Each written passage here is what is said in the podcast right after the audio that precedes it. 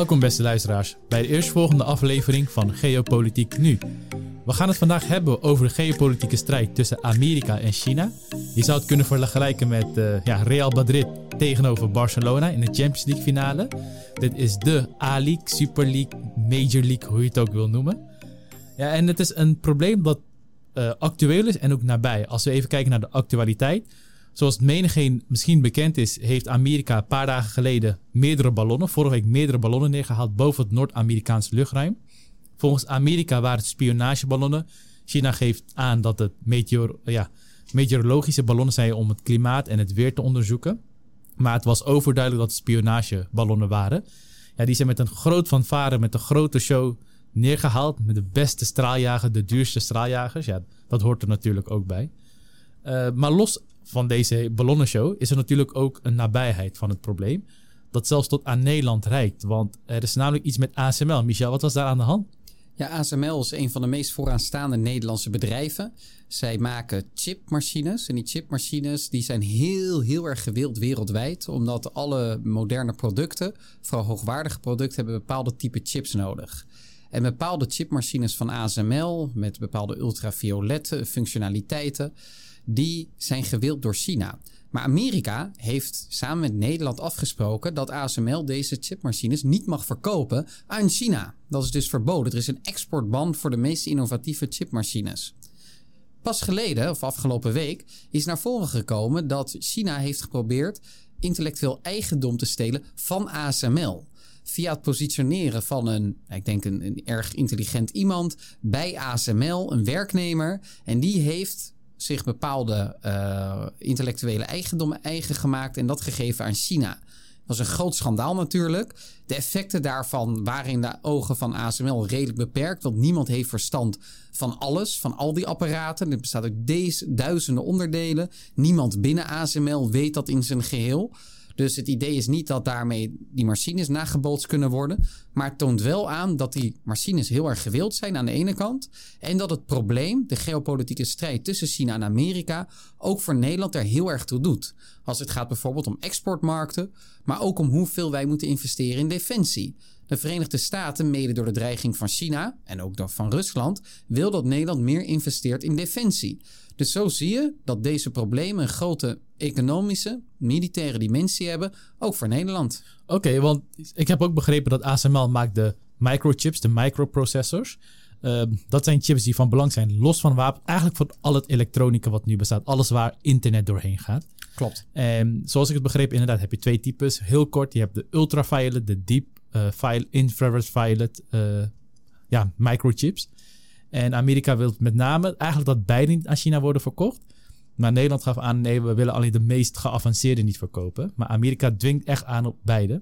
Ja, en dat is nu ook, uh, daar is een akkoord over gesloten. Okay. Dus de twee meest gewilde apparaten worden niet verkocht aan China. Mhm. De CEO van ASML is er heel erg blij mee. Uh, is er niet blij mee dat dat niet mag gebeuren. Uh, dus ja, het is nu afwachten hoe het verder gaat. Ja, als we dan naar deze geopolitieke strijd kijken tussen Amerika en China. We zullen dat in dit podcast doen aan de hand van vijf thema's. Uh, we kijken naar het economische, het militaire, het netwerk, dus het geopolitiek netwerk dat beide landen hebben, het culturele en ook naar de energiebronnen slash de belangrijke hulpstoffen of natuurlijke hulpbronnen die de landen bezitten. Als we kijken naar het economische, ja, China staat bekend om zijn megalomale economische groei dat ze in de afgelopen decennia hebben meegemaakt. Maar het is ook gepaard gegaan met, zoals Amerika zegt, het stelen van intellectueel eigendom. Hoe kunnen we eigenlijk beide ja, plaatsen? Inderdaad, laten we beginnen bij de economische vergelijking. Dit zijn de twee grootste economieën ter wereld. Kijk je het puur vanuit dollarperspectief, is de Amerikaanse de grootste. Namelijk zo'n kleine 26.000 miljard dollar in 2022. Die van China was afgelopen jaar, 2022, 18.000 miljard. Een kleine 18.000 miljard.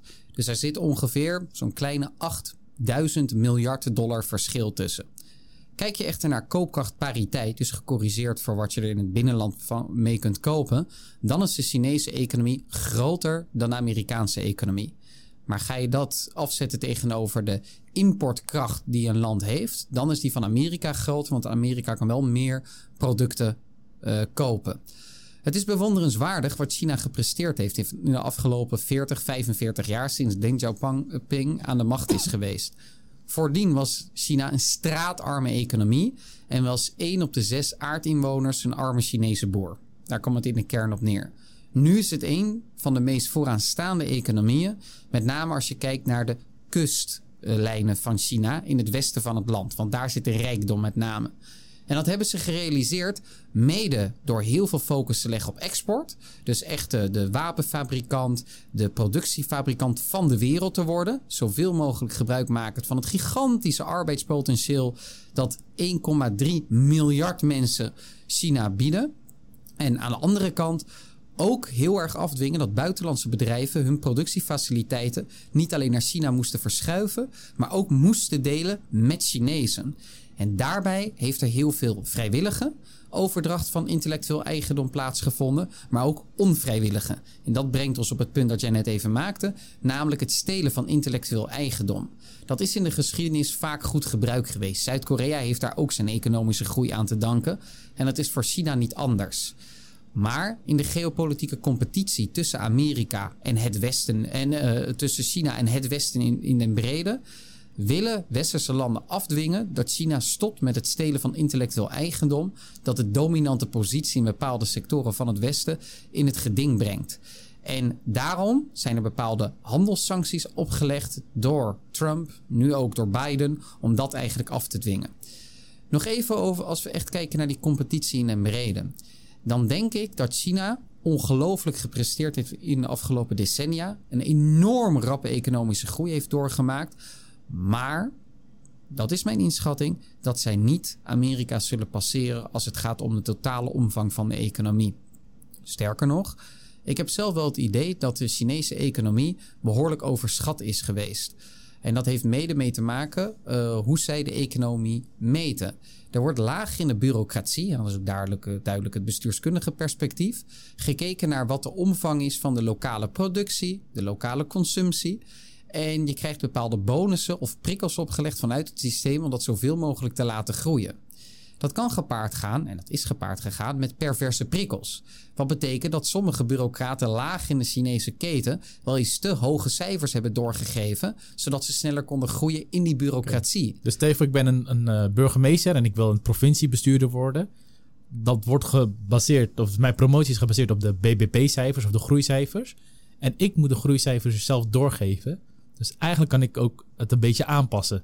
Om ja. wat uh, ja, beter kans te maken op promotie. Moet ik het zo zien? Ja, ja, dat heeft inderdaad mee te maken. Dus bepaalde overheidscijfers die zijn daarmee niet helemaal waarheidsgetrouw.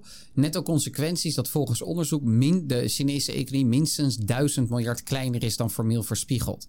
Dan is er nog een ander perspectief waar je naar zou kunnen kijken. En die wordt door de CIA gebruikt, namelijk de lichthoeveelheid die er per nacht zichtbaar is vanuit de ruimte in een bepaald land. En dat heeft veel, volgens de CIA, veel waarheidsgetrouwere resultaten opgeleverd dan kijken naar de formele cijfers, vooral in ontwikkelende economieën, waar het allemaal nog niet zo helder gemeten wordt. En daaruit kun je zelfs opmaken dat de Chinese economie 5, 6, 7000 miljard dollar per jaar kleiner is. Dus dan heb je het over in plaats van 17 à 18 miljard, gaat het richting de 10 à 11 miljard dollar per jaar. Nou, als je dat vergelijkt met de Amerikaanse grootte van de economie, dan, dan is het absoluut in het Amerikaanse voordeel. Ja, en waar ik ook aan dacht is inderdaad dat het, Amerika, of het Chinees groeicijfers een beetje ja, overdreven zijn, een beetje dikker zijn aangepoetst. Dat is één, maar in hoe, ik had begrepen dat vanaf dit jaar uh, meer Chinezen gestorven zijn dan dat er geboren zijn. En alsnog worden er, denk ik, 1 op de 10 baby's op de wereld als alsnog een Chinees. Maar wat zegt dat eigenlijk voor de komende Chinese economische groei, gezien de vergrijzing nu echt inslaat? En vooral als je dat vergelijkt met Amerika, hoe staan die demografische posities eigenlijk uh, tegenover elkaar? Altijd een heel belangrijk element voor de economie is demografie. Ik denk dat demografie zo langzamerhand wel minder belangrijk gaat worden, maar het zal de komende decennia nog steeds een bepalende rol spelen. En waarom speelt het nou een belangrijke rol? Simpelweg omdat je gewoon meer mensen aan het werk kunt stellen als je een jongere bevolking hebt. Dat is in China steeds minder het geval. Het is een van de sterkst vergrijzende landen ter wereld. Amerika heeft dat veel minder, omdat bijvoorbeeld heel veel hoogwaardig talent probeert aan te trekken. Uh, waardoor bijvoorbeeld uh, Silicon Valley kan floreren. Iets wat uh, Amerika ook economisch veel sterker maakt, die bijna internetmonopolies die Amerika buiten China om heeft. Ja, dat zie je zelfs nu met die Open AI, met ChatGPT, allemaal Amerikaanse bedrijven. Ja, Google, Facebook, Meta, uh, IBM. Amazon. Ga zo maar door. Allemaal Amerikaanse giganten die zorgen dat die economie en innovatie echt in het, op het Amerikaanse continent blijven. Dus de mediaanleeftijd in China neemt enorm toe. De mediaanleeftijd betekent als je alle getalletjes op een rijtje zet, wat is het meest middelste getal? En dat neemt het hardst toe in China, zeker in vergelijking met Amerika. Dus de, het absolute potentie, toppunt van de, het arbeidspotentieel in China is voorbij. En dat vind ik wel heel veelzeggend eigenlijk. Dat Amerika nog steeds ver voorloopt op China. Terwijl qua arbeidspotentieel China op het toppen van haar kunnen zit. En dan wil ik... Ja, en terwijl Amerika heeft een bevolking, ik denk uit mijn hoofd vier keer kleiner. 350 miljoen, ja, dat zijn ook goed om te benoemen. Ongeveer 300, 350 miljoen. En China 1,3 miljard. Daar zitten een miljard mensen tussen.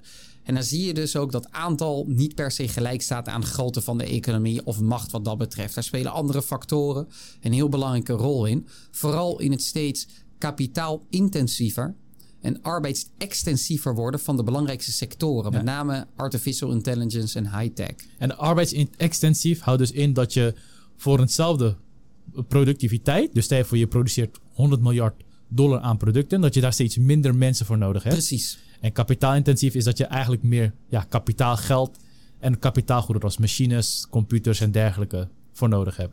Ja, precies. Oké. En, vanuit economisch perspectief nog één element erbij benoemen. Uh, dat denk ik heel erg relevant is. Dat gaat om de vergelijking van diensteconomie versus industriële economie. En daar zien we voor het eerst sinds vijf, zes jaar dat de Chinese economie minder industriebanen heeft dan daarvoor. En dat proces zal versneld geraken nu westerse bedrijven investeringen in China terugschroeven. En dat wel de diensteconomie in China enorm toeneemt. En dat zou de netto consequentie kunnen hebben denk ik tenminste, voor maatschappelijke transities. Net zoals wij die elders in de wereld hebben gezien. Dat als je gaat van een industriële economie naar een diensteconomie, dat je dan ook een heel andere maatschappelijke ordening kunt krijgen. Luister daar vooral een uh, podcast vanaf, nou, laten we zeggen, over twee, drie afleveringen over. Want daar gaan we dan er dieper op in. Inderdaad, inderdaad. Het is ook een heel interessant onderwerp. Over in welke fase zit je met je economie en wat voor ja, politieke gevolgen heeft dat. Ja. Uh, dus als ik het zo kijk, dan zie je dat China natuurlijk flink gegroeid is, maar uh, dat ze op een gegeven moment wel mogelijk aan, tegen de piek aanzitten of zelfs daar in de buurt beginnen te komen. Terwijl die, dat bij Amerika tot nu toe niet zo heel erg blijkt. Precies. En de groeipercentages van China nemen steeds meer af. Die komen steeds meer op de Amerikaanse uit. En wat daar heel erg van belang is, is dat je kunt blijven exporteren. En wat heb je daarvoor nodig? Zeeroutes en een bepaalde militaire macht. Rajiv, kun jij meer uitleggen over de vergelijking van de militaire macht tussen Amerika en China? Ja, ook hier als je naar China kijkt. Vlak na de burgeroorlog 1949. China had vooral, dat hadden bijna alle communistische staten, een heel enorm landleger. Maar daar hield het erbij op. Het had een enorm landleger met oude wapens. En hun voordeel lag vooral in de aantallen. Uh, zo hebben ze ja, oorlogen in Korea gevoerd. De uh, beroemde Korea-oorlog, 1950, hebben, zijn ze Tibet binnengevallen. Puur door gewoon miljoenen mensen erop af te sturen. Wat China eigenlijk heeft gedaan naarmate de economie groeide, hebben ze ook steeds meer geïnvesteerd in hun defensieapparaat. En ook met name in het landmacht. En je ziet dat het Chinese landmacht best wel groeiende is. Uh, maar als je het vergelijkt met Amerika, vaak wordt over de wereld gezegd: moet je een keuze maken tussen een landmacht en een marine. Dat zie je in de hele geschiedenis terug. Ook als, als we onze eigen vaderlandse geschiedenis houden, Nederland. De tijd van uh, Oor van Oldenbarneveld en Gebroeders de Wit. Ook daar was het ja, conflict tussen geld naar het landmacht of geld naar het zeemacht. Uh, Engeland ook, gaf je ook in een van de eerdere podcasts aan. 1914. Toen was het definitief wereldmacht af. Ja. Athene, Sparta, hetzelfde verhaal. Hetzelfde verhaal. Dus je ziet overal een conflict geld naar landmacht of zeemacht.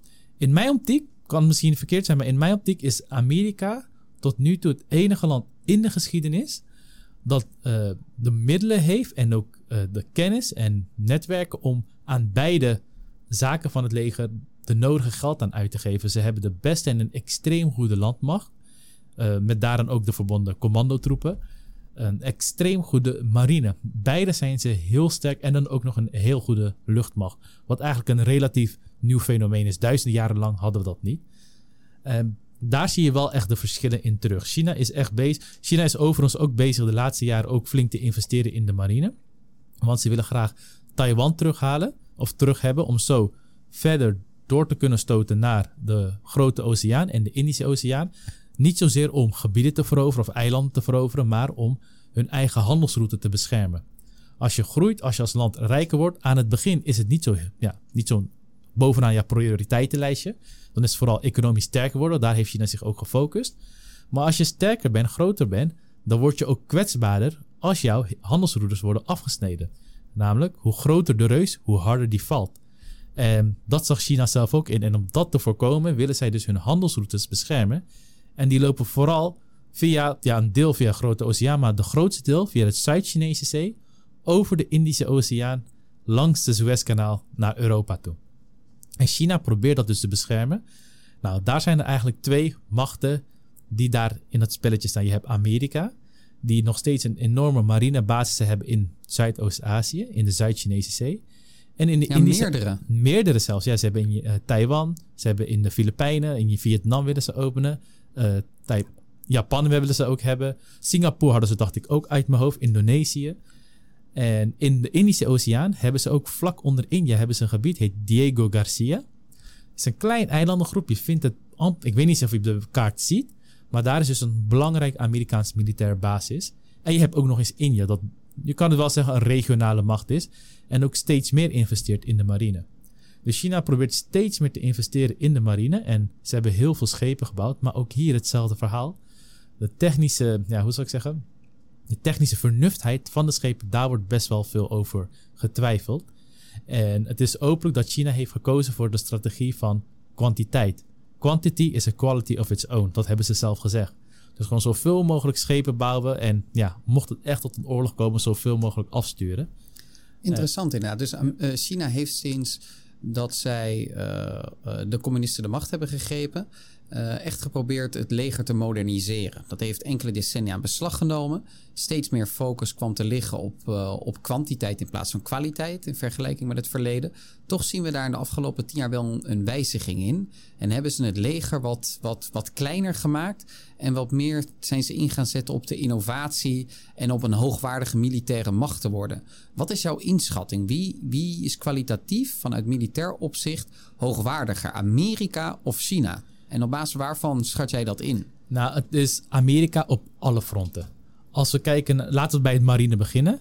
De Amerikaanse schepen staan bekend dat zij, ja, ik zal zeggen, extreem hoogwaardige technologie hebben. Zodanig zelfs dat zij schepen en onderzeeërs hebben die zij niet eens verkopen aan bondgenoten. De schepen en onderzeeërs die zij verkopen aan Australië, die zijn van een klasse daaronder. Hetzelfde zie je ook van de luchtmacht. Ze maken met Europa samen het JSF, F-35 straaljager. Dat is de vijfde generatie, de, een van de nieuwste generatie straaljagers. Maar ook zelfs daar zie je dat de Amerikanen hebben de F-22 Raptor. Dat is een 5.5 eh, generatie straaljager. Ook die houden ze voor zichzelf. Hetzelfde zie je ook in rakettechnologie. Hetzelfde zie je ook in artillerie, in hun tanks. De- En eh, daar hebben ze ook bepaalde onderdelen, upgrades, die alleen voor hunzelf zijn gereserveerd. Dus, kunnen, dus wij hebben eigenlijk niet eens een goed beeld van hoe goed het militaire apparaat van Amerika is. En we zien nu al op een bepaalde manier de superioriteit van tweede klasse wapens terug in Oekraïne ten opzichte van Rusland. Ja, inderdaad. Sterker nog, dat zijn niet eens de vorige generatie wapens. Er worden ook gewoon wapens van de generatie daarvoor gebruikt. Je kan zelfs derde generatie. Om een voorbeeld te geven. Eh, China en India zijn ook bezig in een wapenwetloop. eh, op het gebied van marine en zee- en luchtmacht. En ook India is bezig met het opzetten van een eigen wapenindustrie. En China loopt iets voorop, maar ze lopen niet heel sterk voorop. Desondanks zijn, is het, kwaliteit, het technisch niveau van beide wapensystemen hetzelfde als wat Amerika had in de jaren 70, 80. Dus het geeft al een beeld dat ze al veel verder zijn. En aan- China begrijpt dat zelf ook. Daarom hebben zij ook gekozen voor een andere strategie. En het feit dat China de focus moet leggen op het ja, beheersen van de kustgronden voor hun eigen gebied. Terwijl Amerika in staat is om een oceaan, letterlijk een, halve wereld verder, nog steeds op maritiem gebied veel sterker staat. Dat geeft er ook wat aan. Dat geeft zeker wat aan, inderdaad. Dat Ja. zorgt inderdaad voor heel, heel, heel grote verschillen. En dat toont ook in dat Amerika, wat ons betreft in ieder geval, eh, militair superieur is. En wat verder interessant is, wat je net benoemde, is dat Amerika bepaalde wapens niet verkoopt aan andere landen en bepaalde wapens wel. Wat is het Amerikaanse beleid in de wapenverkoop? Nou, het Amerikaanse beleid in de wapenverkoop is om de wereldhegemonie, want dat heeft Amerika nu, te behouden. Nou, om een wereldhegemonie te behouden heb je vrienden nodig en je hebt dichte vrienden nodig. En om bevriend te blijven moet je ze ook cadeautjes geven. Ook die vrienden willen ook graag zware wapens. Nou, niet zozeer zware wapens, maar technolo- hoogtechnologische wapens. Wat zij eigenlijk met hun wapenindustrie hebben gedaan, ze hebben het geclassificeerd. De wapens hebben ze geclassificeerd en daar hebben ze eigenlijk de wapenfabrikanten mee, ja, mee gedwongen. Nou, gedwongen wil ik niet zeggen, maar daar kom ik even zo meteen op terug. Namelijk de meest technologische wapens, die hebben, ik noem het voor nu even de klasse A-wapens, die zijn alleen voor Amerika. Dat zijn de 5.5 generatie straaljagers, onderzeeërs, noem het maar op. Die verkopen ze niet eens aan de NAVO, aan niemand, dus alleen voor hun. Even voor mijn helderheid. De Mhm. meeste landen, de, de backbone, de ruggengraat van hun luchtmacht bijvoorbeeld, bestaat uit vierde generatie straaljagers F-16. Klopt Inderdaad, dat? dat klopt. En, em, en landen die al een stapje verder zetten, die zijn heel erg blij met vijfde generatie straaljagers. Moet ik dat zo zien? Nou ja, sterker nog, de F-16 zijn derde generatie straaljagers. De upgrade maakte tot een vierde generatie straaljagers. Oké. Ja, oké, dus dat zijn de topwapens die houdt Amerika voor zichzelf. Om de, de voor de echt de meest, de closest allies, de meest dichte bondgenoten, dat noemen ze de Five Eyes. Dat zijn eigenlijk al de Anglo-Saxische landen. Australië, Nieuw-Zeeland, het Verenigd Koninkrijk en Amerika en Canada. Dat zijn dus de Anglo-Saxische landen. Daarom noemen ze Amerika eigenlijk ook een Anglo-Saxisch rijk. Alleen de hoofdstad is eh verplaatst van Londen naar Washington. Een idee dat ik zelf ook onderschrijf overigens. Voor die landen is Amerika bereid bepaalde elementen van deze hoogwaardige technologie te delen. En dat doen ze ook. Niet allemaal, maar bepaalde elementen. In ruil daarvoor, staat natuurlijk niet vast op papier, maar in ruil daarvoor wordt het buitenlands beleid en het militair beleid van deze landen één op één gekoppeld met dat van Amerika. Dus dan kan de interoperability, dus het samenwerken op militair gebied, bijvoorbeeld bij marine oefeningen of in de luchtmacht, vergemakkelijkt worden. Dus In- dat betekent heel concreet dat Australië het buitenlands beleid, en bijvoorbeeld nu ook het op het spits drijven van het conflict met China, eh, door Amerika laat leiden en gestimuleerd wordt. Moet ik dat zo zien? Precies, zo moet je het zien. Zoals ik het zelf zeg, laten we gewoon noemen zoals dit een vazalstaat. Op dit gebied, hè, op economisch, op eh, militair en buitenland gebied je een vazalstaat. Als Amerika zegt we gaan dit doen, dan volg je dat land. Op militair ingrijpen, we gaan hier ingrijpen, dan volg je dat land. In ruil daarvoor krijg je extreem hoogwaardige technologie, delen daarvan, die jij weer dan kan gebruiken voor de bescherming van jouw eigen land. En natuurlijk val je ook onder de veiligheidsparaplu van de VS. Precies, je valt ook onder het veiligheidsparaplu. Daarom is het ook logisch dat deze vijf landen hiervoor hebben gekozen, want het zijn allemaal Anglo-Saxische landen met een, ja, zelfde eenzelfde cultuur, eenzelfde voorouders, eenzelfde historie. En allemaal georiënteerd op de zee. En dat is ook geen toeval. Een zeecultuur gaat altijd gepaard met een bepaalde marine, marinecultuur. En wil Australië veilig blijven van grote vijanden, dan moet het zich beschermd zien door de machtigste marine ter wereld. En vroeger was dat het VK, de, de Great eh, British Empire. En nu is dat de Verenigde Staten. Inderdaad, dus ze hebben dus marinelanden, zeelanden, zelfde cultuur, zelfde historie. Zou ik even, ik weet wat er met Indianen is gebeurd, maar ze hebben eenzelfde Anglo-Saxische historie, de settlers daarna. Dus je kan het vergelijken alsof Nederland hoogwaardige technologie met België zou delen. Het zou meer dan logisch zijn. Het zijn broedervolken. Zo kan je deze volkeren ook met elkaar zien. Over Nederland en België gesproken. Wij zien ons graag als een van de hechtste bondgenoten van de VS. Wij zijn ook eh, flink toegewijd aan Amerikaans buitenlands beleid. Waarom zitten wij niet in die categorie? Of in welke categorie zitten wij? Nou, wij zitten dan in de categorie die daarna komt. Dat zijn dan de closest allies. Daar zitten onder andere NAVO in. Maar ook landen als Zuid-Korea, Japan, Israël, die behoort er ook toe. En die krijgen ook dan een klasse daaronder hoogwaardige wapens. Zijn nog steeds wapens waarmee die nog steeds verder staan dan in de rest van de wereld. Maar niet net zoals die van Amerika of als van de meest dichtste bondgenoten. Maar het is meer dan genoeg om je in de rest van de wereld eh, ja, goed te doen. Je kan het vergelijken als een, ook wat de Sovjet-Unie had, of als een ui kan ik het zeggen. Je hebt een, een laag, een kern. Ja, die bestaat uit verschillende lagen. Maar je gaat niet alle lagen net zo hard beschermen. Je gaat niet al je geheimen weggeven. Het is logisch dat je de, de dichtste laag om jou heen, dat je die iets sterker maakt. Niet net zo sterk als jouzelf, maar wel flink sterker. Oké. De laag daarbuiten maak je iets minder sterk. En zo ga je steeds door en door en door. En dat is eigenlijk ook wat Amerika doet met het wapenexport. Daar heb je dan de NAVO, Israël, Japan, die krijgen een generatie daarna. En dan heb je dan ook de overige landen. Dat zijn overige ja, derde landen in Zuid-Amerika, Europa, Afrika, Azië, India bijvoorbeeld. Die krijgen wapens die al, ja, als ik het plat mag noemen, een soort van technologisch uitgeschreven zijn. In de zin, ze zijn nog steeds technologisch hoogwaardig. Hoogwaardiger dan Russische en Chinese makelij. Maar het heeft niet nut om het zo geheim te houden. Om zoveel moeite om te doen.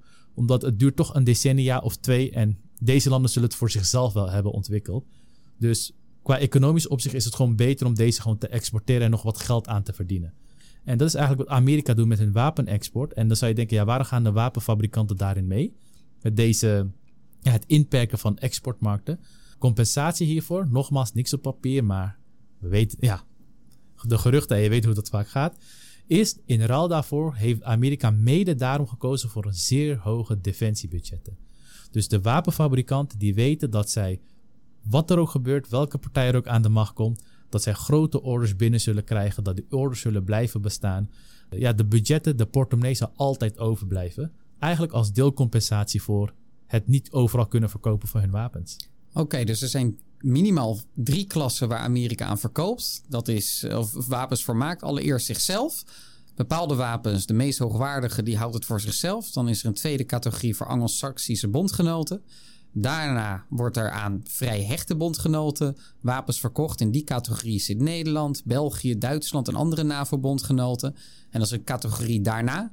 En dat zijn dat is de rest van de wereld waar Amerika de wat lagerwaardige technologische wapens verkoopt. En uh, als compensatie daarvoor voor de eigen industrie. Denk bijvoorbeeld aan Lockheed Martin, een van de grootste wapenbedrijven ter wereld. en Boeing, waarmee wij vliegen over de en, wereld. En Boeing natuurlijk. En die civiele inkomsten die gaan natuurlijk ook vaak naar de militaire tak toe, zodat daar extra innovatie gepleegd kan worden. Die krijgen dan jaarlijks gigantisch grote orders binnen vanuit de militaire defensie van Amerika. Ja, en om de technologie te vergelijken met China, uh, daar gaat het thema van het podcast over. Ik mijzelf, natuurlijk, ik ben geen defensie-expert. Maar we, hebben, zien het nu met de oorlog in Oekraïne. En het, was, het is bekend dat Russische wapens van een hogere, een hogere technologische waarde hebben dan Chinese. En zelfs de Russische wapens worden nu geclassificeerd in, ja, ik zou het noemen dat derde categorie. Tussen NAVO en de rest in. Uh, dus dat geeft al aan hoe het zit met de technologische vernuftheid van Amerikaanse en Chinese wapens. Um, ja, los van wapens. Ja, wapens spelen natuurlijk een belangrijke rol in uh, jouw, geopolitieke strategische positie te verbeteren. Maar dat is niet. Ik heb het net al genoemd. Vrienden, het hebben van vrienden, het hebben van bondgenoten, überhaupt communicatiepartners hebben, speelt ook een belangrijke rol. Uh, Micha, hoe zit het eigenlijk met het netwerk? Het netwerk van Amerika in de wereld en het netwerk van China in de wereld. Want ik, lees, ik las nu niet meer, maar ik las steeds meer berichten in The Economist en wat voor klanten dan ook, dat Afrika naar China tilt, Azië naar China tilt, uh, Zuid-Amerika zal meer naar China tillen. Ja, wat is daarvan eigenlijk waar? Allereerst laten we het belang van netwerk benadrukken. We hebben al gezegd dat handelsroutes ertoe doen. En handelsroutes doen ertoe omdat je ergens productjes produceert en die wil je ergens verkopen. Daar komt het in de kern op neer. Daar is je militaire macht van afhankelijk, je economische kracht van afhankelijk. En het zorgt er ook voor dat jij ingebed bent in een netwerk dat die handelsroutes en jouzelf kunt beschermen. Amerika heeft een heel groot netwerk wereldwijd opgebouwd in de afgelopen decennia na de Tweede Wereldoorlog. Tot de Tweede Wereldoorlog was Amerika erg isolationistisch ingesteld. In het interbellum tussen de Eerste en de Tweede Wereldoorlog. En toen uh, Europa weer in een oorlog terecht kwam, dacht Amerika: nu gaan we die wereldmacht grijpen ook. En dat heeft de wereld geweten, want nu leven we inderdaad in een soort tijd van de American Empire. Hoe heeft Amerika dat opgebouwd? Allereerst door militair machtig zijn, economisch te groeien en ten derde door een heel groot netwerk op te bouwen. En dat netwerk is opgebouwd vanuit verschillende structuren, verschillende internationale organisaties.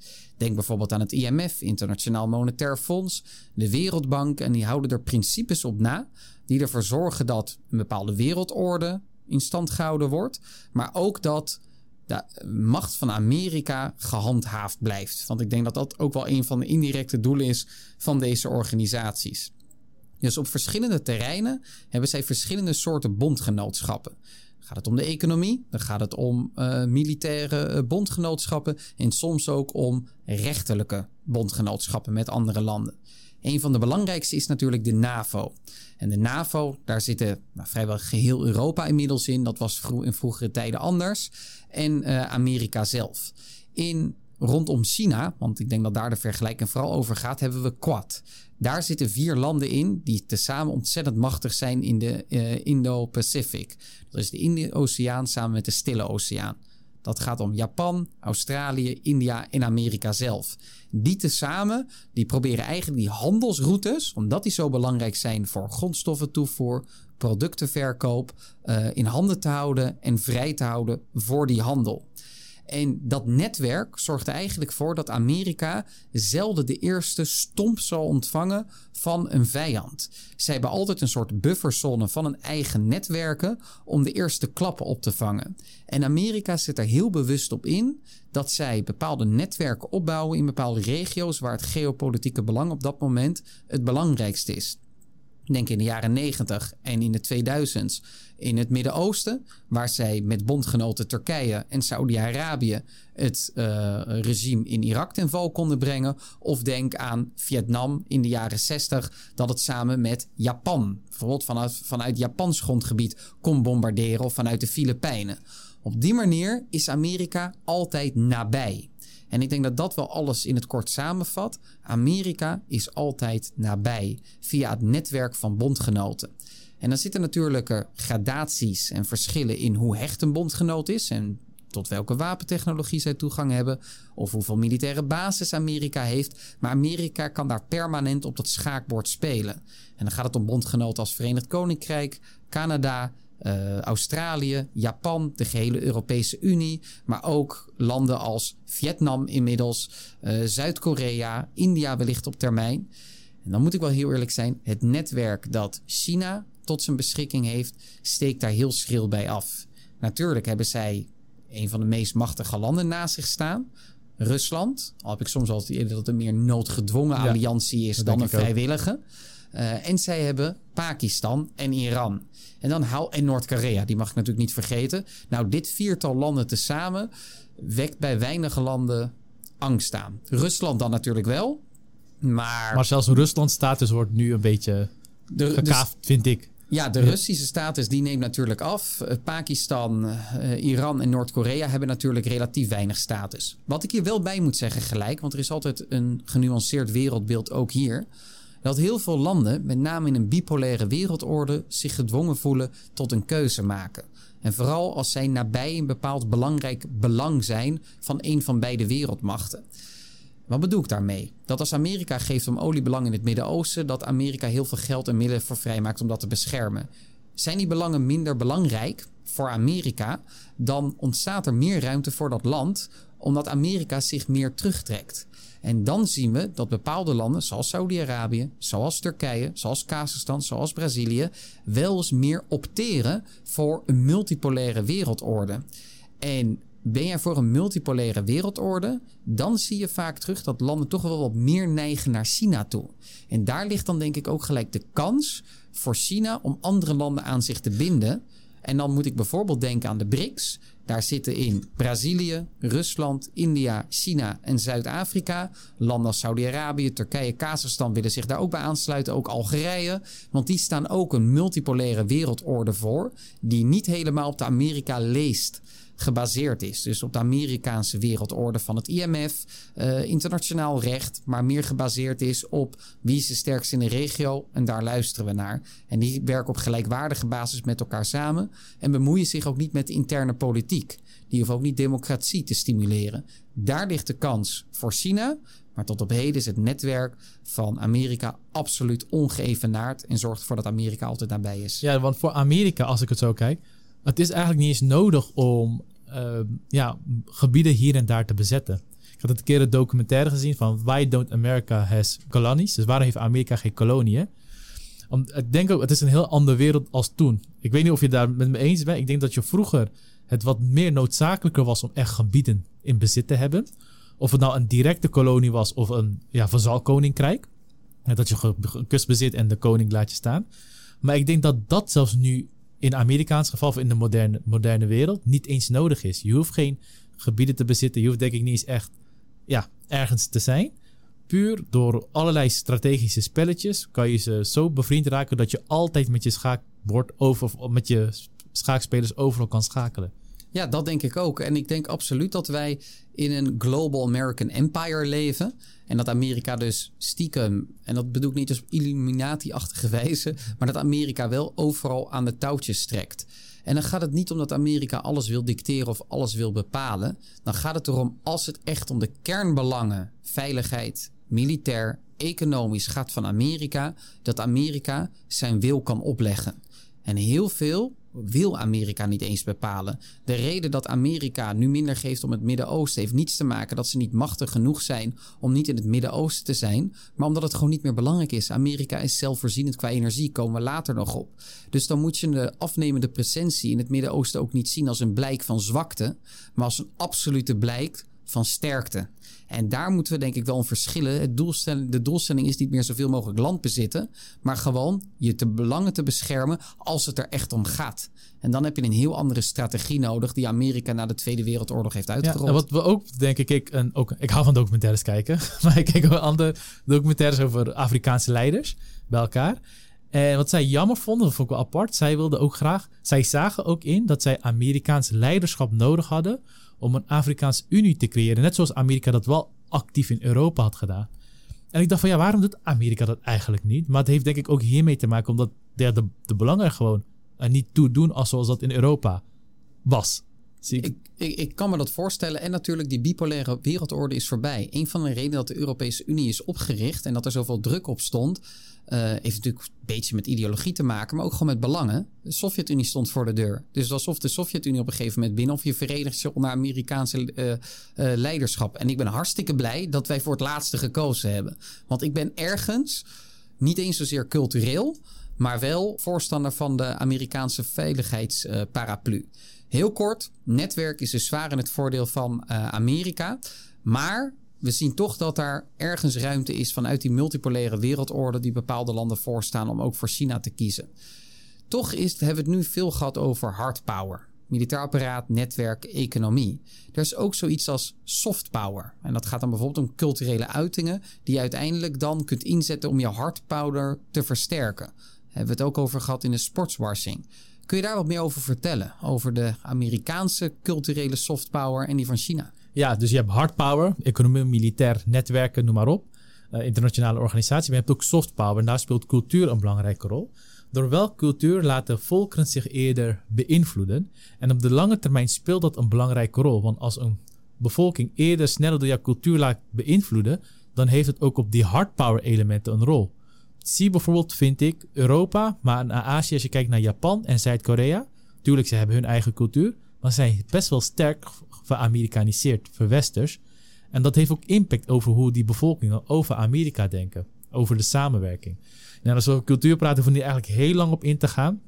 Maar dan is het wel, vind ik, overduidelijk dat, ja, dat Amerika hier sterk in het voordeel is. We hebben natuurlijk Hollywood. En Hollywood wordt overal in de wereld. En met Hollywood bedoel ik niet alleen de films, maar eigenlijk alles. De films, de muziek, eigenlijk ook de muziekstijlen. Als ik ook naar de wereld kijk, Elk land heeft zijn traditionele muziek, wat ik waardeer en ik luister ook vaak naar. Even los van traditionele muziek, dat daar gelaten wat in elk land wel heel rijk zal zijn. Moderne muziek wordt in mijn ogen allemaal in Amerika geproduceerd. Als we zou kijken je naar... zelfs zo kunnen zeggen dat muziek pas modern wordt genoemd op het moment dat het Amerikaans is. Precies, ja. Laten we even, wat, wereld, wat wordt nu wereldwijd geluisterd en gemaakt? Rap, Amerikaans rock, Amerikaans, rock'n'roll, Amerikaans, R&B, Amerikaans. Dan heb je nog meer, maar soul, jazz, uh, metal, metal blues, noem het, noem het maar op. Alles is Amerikaans. En in de landen zelf worden vaak ook die muziekstijlen op Amerikaans muziek uh, geïnspireerd. Zo luister ik vaak Surinaams muziek. Ik vind het ook heel leuk, heeft een leuk Caribisch tintje. Maar ik kom er steeds meer ook, want ik luister ook veel originele muziek op YouTube. En ik kom steeds meer achter dat al die melodieën eigenlijk oude Amerikaanse muziekstukken zijn. Alleen ze hebben het natuurlijk wat Caribischer gemaakt met meer, ja, met meer drumgeluid en zo, noem het maar op. Ook in India, vanaf Bollywood is natuurlijk ook een groot, uh, een groot cultuurproducerend uh, instrument van India. Maar ook daar, vanaf de onafhankelijkheid, ik zal zelf zeggen, bijna alle muziek is gelezen op Amerikaanse stijlen. De meest beroemde Bollywood muziekstukken zijn vaak van de 50s, de uh, swing, je kent het wel. Swingmuziek, de rockmuziek, de, ja, noem het maar op. Dus daar zie je wel overduidelijk dat Amerikaanse elementen verspreid worden over de wereld. En wat... Zijn er bepaalde uitzonderingen op deze regels? Dat Amerika, als het om muziek en mhm. televisie gaat en om films, dominant is? Zijn er bepaalde landen waar dat minder het geval is? Nee, ik denk zelf, ja, ik denk alleen echt in de Hermit Kingdom, zoals Noord-Korea. Maar zelfs in landen als Pakistan, Saudi-Arabië, zie je dat de jongeren daar veramerikaniseerde muziek luistert. Ook al is het Urdu of in het Arabisch, het is veramerikaniseerde muziek. Dus je kan zelf, zelfs in China, dat in uh, strijd is met Amerika, is dat het geval. Ja, ik was in januari ook in Sri Lanka. En zelfs daar moet ik zeggen dat alle jongeren eigenlijk Amerikaanse muziek luisterden. En ik vind de term verwesterd soms ook wel eens misplaatst. Want het gaat helemaal niet om het Westen als geheel. Het gaat om Amerikanisering. En dan gaat het vooral om het culturele centrum van het Westen en dat is Amerika. Ja. Sterker nog, even om terug te gaan naar de geschiedenis. In de Sovjet-Unie, de vorige grote macht, werden jongeren, dus ben ik ook achtergekomen, opgepakt als ze een poster hadden van, ja, wie was dan toen bekend? Welke zangers? Ja, ja, ja klopt. Van eh, Elvis, Presley, Elvis, Elvis Presley, sorry. The van Beatles, Prince, Rolling, The Beatles. Rolling Stones. Ja, ja, ja dat klopt. Daar werd je gewoon voor opgepakt als je een, een poster daarvan in je kamer had. Dus dat geeft al aan dat. Uh, ja, dat je, had daar, je had daar uh, of je had daar illegale rockcafés. Okay. Die in kelders zaten. waar ze dan naar Amerikaanse muziek luisterden. Amerikaanse kleding droegen. Daar hebben we het nog eens over gehad. Ook de kledingstel wereldwijd is best wel sterk geamerikaniseerd. Ik wil nog één vraag voorleggen. Dus, dus duidelijk wereldwijd is er een Amerikaanse dominantie als het gaat om culturele uitingen bij muziek, bij televisie, kledingstijl, esthetiek, bla bla bla. Architectuur wellicht ook wel. Is er ergens waar China die invloedssfeer cultureel kan verspreiden? Zijn er bepaalde terreinen, geografisch of qua soort culturele uiting? In dat, jouw analyse? in mijn analyse proberen ze dat wel. In China hebben ze ook, uh, sorry, in Afrika hebben ze ook Chinese scholen geopend, zoals Frankrijk dat ook actief doet. En ze ook Chinese lessen en van die Confucius-scholen wereldwijd. Ik denk dat er in het begin animo was, maar dat ook die animo steeds meer aan het afnemen is. In Europa zien we steeds meer dat die Confucius-scholen verkapte spionagescholen zijn. Wat ook bedoeld is voor intellectueel eigendom over te nemen. En nog erger, Chinese studenten die in dat land studeren te controleren. En de landen waar er van die Chinese scholen werden opgericht, die krijgen er ook steeds meer zin in vanwege al die Belt and Road leningen. Dus die leningen die ze zijn aangedaan die ze niet kunnen terugbetalen. Dus, dus jouw inschatting is dat het animo voor, uh, Chinese, voor Chinese cultuur afneemt? Ja, ik denk dat het, ik denk dat het was, kon een beetje verspreiden, maar ik denk dat wat er was verspreid aan het afnemen is. En het is ook logisch, waarom het ook los, ik heb niks tegen Chinese cultuur, ik vind het oude cultuur juist mooi. Maar als je gewoon kijkt naar, laten we naar de taal kijken, het Chinees en het Engels. Als je wereldwijd handel wilt drijven, heb je een makkelijk communicatiemiddel nodig. Waarom is Engels verspreid en niet zozeer Frans, los van kolonisatiegeschiedenis? Engels is ook gewoon een heel makkelijke taal. Ook als je naar Amerika gaat, als je met de mensen praat, is het een heel makkelijke taal. De muziekstijlen zijn heel creatief, eigenlijk makkelijk in die zin. Er zijn geen vaste regels. Dat vind ik ook dat belichaamt ook een deel Amerikaanse cultuur. Die vrijheid, dat je het makkelijk kan ja, je kan het zelf invulling aangeven. Zit daar wat jou betreft ook de kracht van Amerikaanse uh, cultuur in? Namelijk de belofte van vrijheid? Ja, ik denk het wel. Ik denk, ik denk de belofte van vrijheid enerzijds en anderzijds dat je makkelijk kan mengen. Er wordt niet snel gesproken van pure blues of pure jazz of zo. Ja, ik heb nog nooit van die termen gehoord. Als je kijkt naar heel veel van deze muziekstijlen die zijn ontstaan bij zwart Amerikanen, ja, jazz, blues, maar ook zelfs rock ben ik achtergekomen. Uh, maar je ziet dat makkelijk dat andere bevolkingsgroepen, de blanke, Latinos, dat overnemen en ook omgekeerd. En ik denk juist dat dat element samen met het vrijheidselement ervoor zorgt dat, je, ja, dat het zo aansprakend is. Oké, dus de mhm. aansprekendheid van de Amerikaanse cultuur zal voor dominantie zorgen. En het netto effect is daar wat jou betreft dat landen, en ook mensen daarmee bedoel ik, uiteindelijk meer zich achter Amerika willen scharen dan achter China. Zelfs de jongeren in vijandige staten. Ja, dat denk ik. Zelfs in China zie je dat ook gewoon terug. In Iran nu trouwens. In Iran zie je dat. In Iran, oh ja, in Iran zie je dat ook heel duidelijk. Dragen ze spijker. spijker als, als ik één Amerikaans symbool mag noemen qua klederdracht, is het wel de spijkerbroek. Dat is, ja. en dat zie je overal in de wereld in terug. Uh, nou, dat is dus een element van soft power. We gaan even weer terug naar het hard power. Alles in de moderne wereld draait om energie. Eigenlijk de gehele ontwikkeling van de mensheid, vind ik, draait om energie. Onze eerste energiebron waarom wij niet meer in bossen leven is vuur. Nou, we zijn flink gegroeid. Michel, hoe zit het daar eigenlijk met energie en met name met de natuurlijke hulpbronnen van bijzondere edelmetalen? Want daar is er wel een twijfelgeval in, Amerikaanse, in dat Amerikaanse dam. Inderdaad. Laten we beginnen met gas en olie en wellicht ook kolen, als je dat in je achterhoofd mee wil nemen. Op al die terreinen heeft Amerika absoluut een dominante positie boven China. Amerika is voor de olie niet volledig zelfvoorzienend, maar voor een substantieel deel, veel groter deel dan uh, China zelfproducerend. China produceert zo een, zeg ik uit mijn hoofd, een kleine 3 à 4 miljoen vaten olie per dag. En heeft er dagelijks, zeg ik ook weer uit mijn hoofd, zo'n 15 à 20 miljoen nodig. Dus zij moeten dagelijks tegen de 15 miljoen vaten in importeren. Voor Amerika ligt dat aantal veel lager, terwijl Amerika ook een veel grotere aanbod heeft. Amerika produceert per dag zo'n 15 miljoen vaten. Dus 11 à 12 miljoen meer dan China. Dat is bijna 15% van de wereldproductie ook, toch? Ja, Ongeveer? Ja, ja, ja, dat is 15% van de wereldproductie. En dat gaat misschien wat afnemen naar, naar 12 à 13 miljoen. Maar ze hebben gigantische strategische petroleum reserve. Dan het tweede element, gas. Gas speelt natuurlijk een heel erg belangrijke rol. Uh, in de hedendaagse economie. En dat zal de komende jaren alleen maar toenemen. Amerika is daar bijna in zijn geheel zelfvoorzienend in. En behoort nu tot de grootste LNG, Liquefied Natural Gas, exporteurs ter wereld. Waarmee het ook het eigen netwerk veel meer aan zich bindt en economisch integreert. Europa heeft bijvoorbeeld jarenlang nauwelijks gas vanuit Amerika geëxporteerd. Was Amerika niet blij mee. Mede daarom is het misschien ook dat de Nord Stream is opgeblazen. In mijn ogen, en ik denk ook in Rajiv's ogen, hebben de Amerikanen dat gedaan. Ja, maar ook ik zou hetzelfde doen als ik Amerikaanse leiderschap was. Daartoe te behoorde. Ja. Ik zou het ook doen. En ik was er zelf eigenlijk, eigenlijk voorstander. Was ergens hoop ik bijna dat Amerika dat gedaan heeft. Los even van de milieu- en de soevereiniteitsschade. Maar ik zou het ook onacceptabel vinden dat de continent dat, mij, dat ik bescherm geld op structurele basis exporteert naar een buur. Terwijl ik in competitie ben met die buur. Mede om ideologische reden, maar ook om belangenreden. Dus in die zin logisch. Maar netto consequentie is dat Europa nu veel meer LNG moet inkopen bij Amerika. Overigens ook bij Qatar en Algerije. Maar daar gaan we even niet op in. Dus Amerika heeft een gigantische, door die schaliegasrevolutie, een gigantische exportmarkt gecreëerd voor gas, omdat die vraag ook enorm toeneemt als transitiemiddel. Dus ook hier is Amerika dominant in.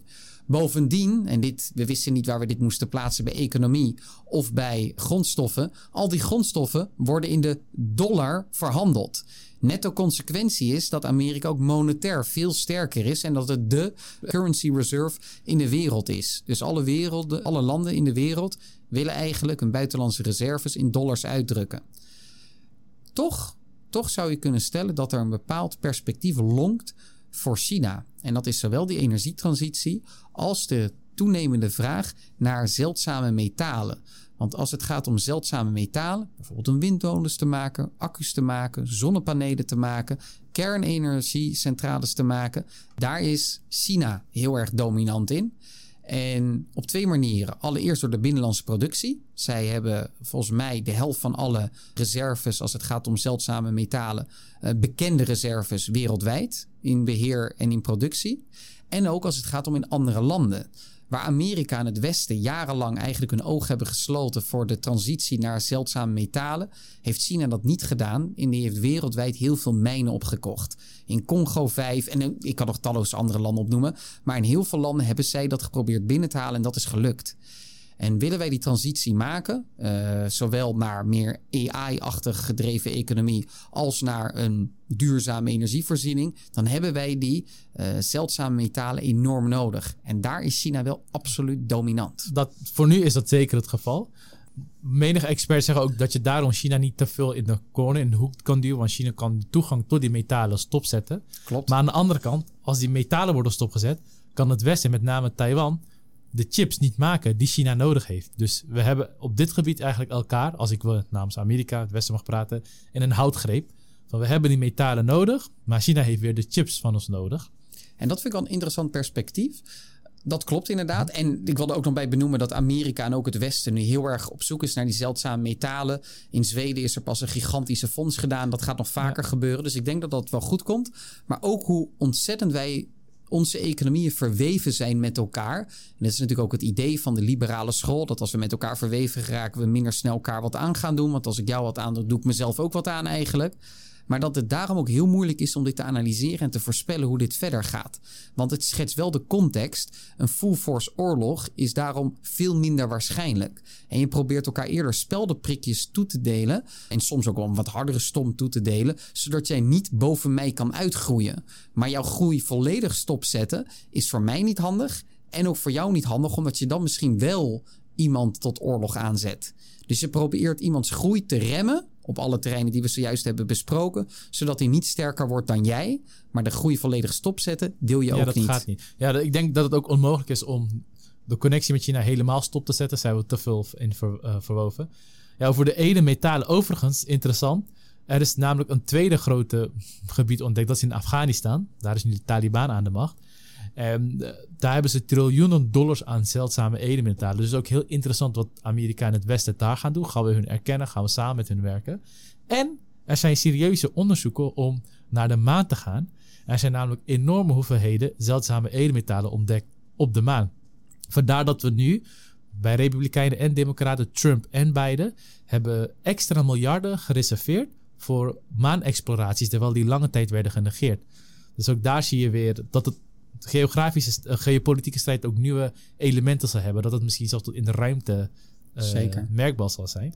Nog even over zeldzame metalen. Het betekent niet per se dat ze heel zeldzaam zijn in de zin dat ze nergens voorkomen. Maar dat als ze voorkomen, dat ze dan niet in grote hoeveelheden op dezelfde plek voorkomen. En daarom maakt het exploiteren van zeldzame metalen ook zo lastig. Maar ze zijn waarschijnlijk wereldwijd in behoorlijke hoeveelheden aanwezig, alleen heel erg verspreid. Inderdaad, inderdaad. Nou, we hebben het vandaag gehad over de geopolitieke strijd, de A-League tussen Amerika en China. De Real Madrid en Barcelona van de geopolitiek. Uh, ja, Amerika is al vanaf het eind van de Tweede Wereldoorlog, je zou zelfs kunnen zeggen, misschien vanaf de Eerste Wereldoorlog, een, de grootste geopolitieke macht in de wereld. Ja, ze hebben Engeland ingehaald om dat op zich. Ze hebben de Sovjet-Unie-tijdperk hebben ze gewoon overleefd. En lange tijd werd gedacht dat China Amerika zal overnemen. Economisch, militair, op allerlei gebieden. We hebben al deze gebieden besproken. Het economische gebied, militair, netwerken, cultureel en op energie slash natuurlijke hulpbronnen gebied. Ja, we hopen dat jullie in ieder geval wat wijs zijn geworden. We moeten wel zeggen, dit is een strijd dat nog door zal gaan. Dus hoogstwaarschijnlijk zullen we ook later weer met updates komen. Het blijft interessant. Maar we hopen dat jullie wat meer kennis hebben over deze grote strijd. Dat jullie ook weten wat voor input kan hebben voor jullie zelf, voor ons land, Nederland. En we, zijn, we hopen dat jullie zo hebben geholpen om afscheid te nemen van jullie ongeïnformeerde zelf. Dank jullie wel.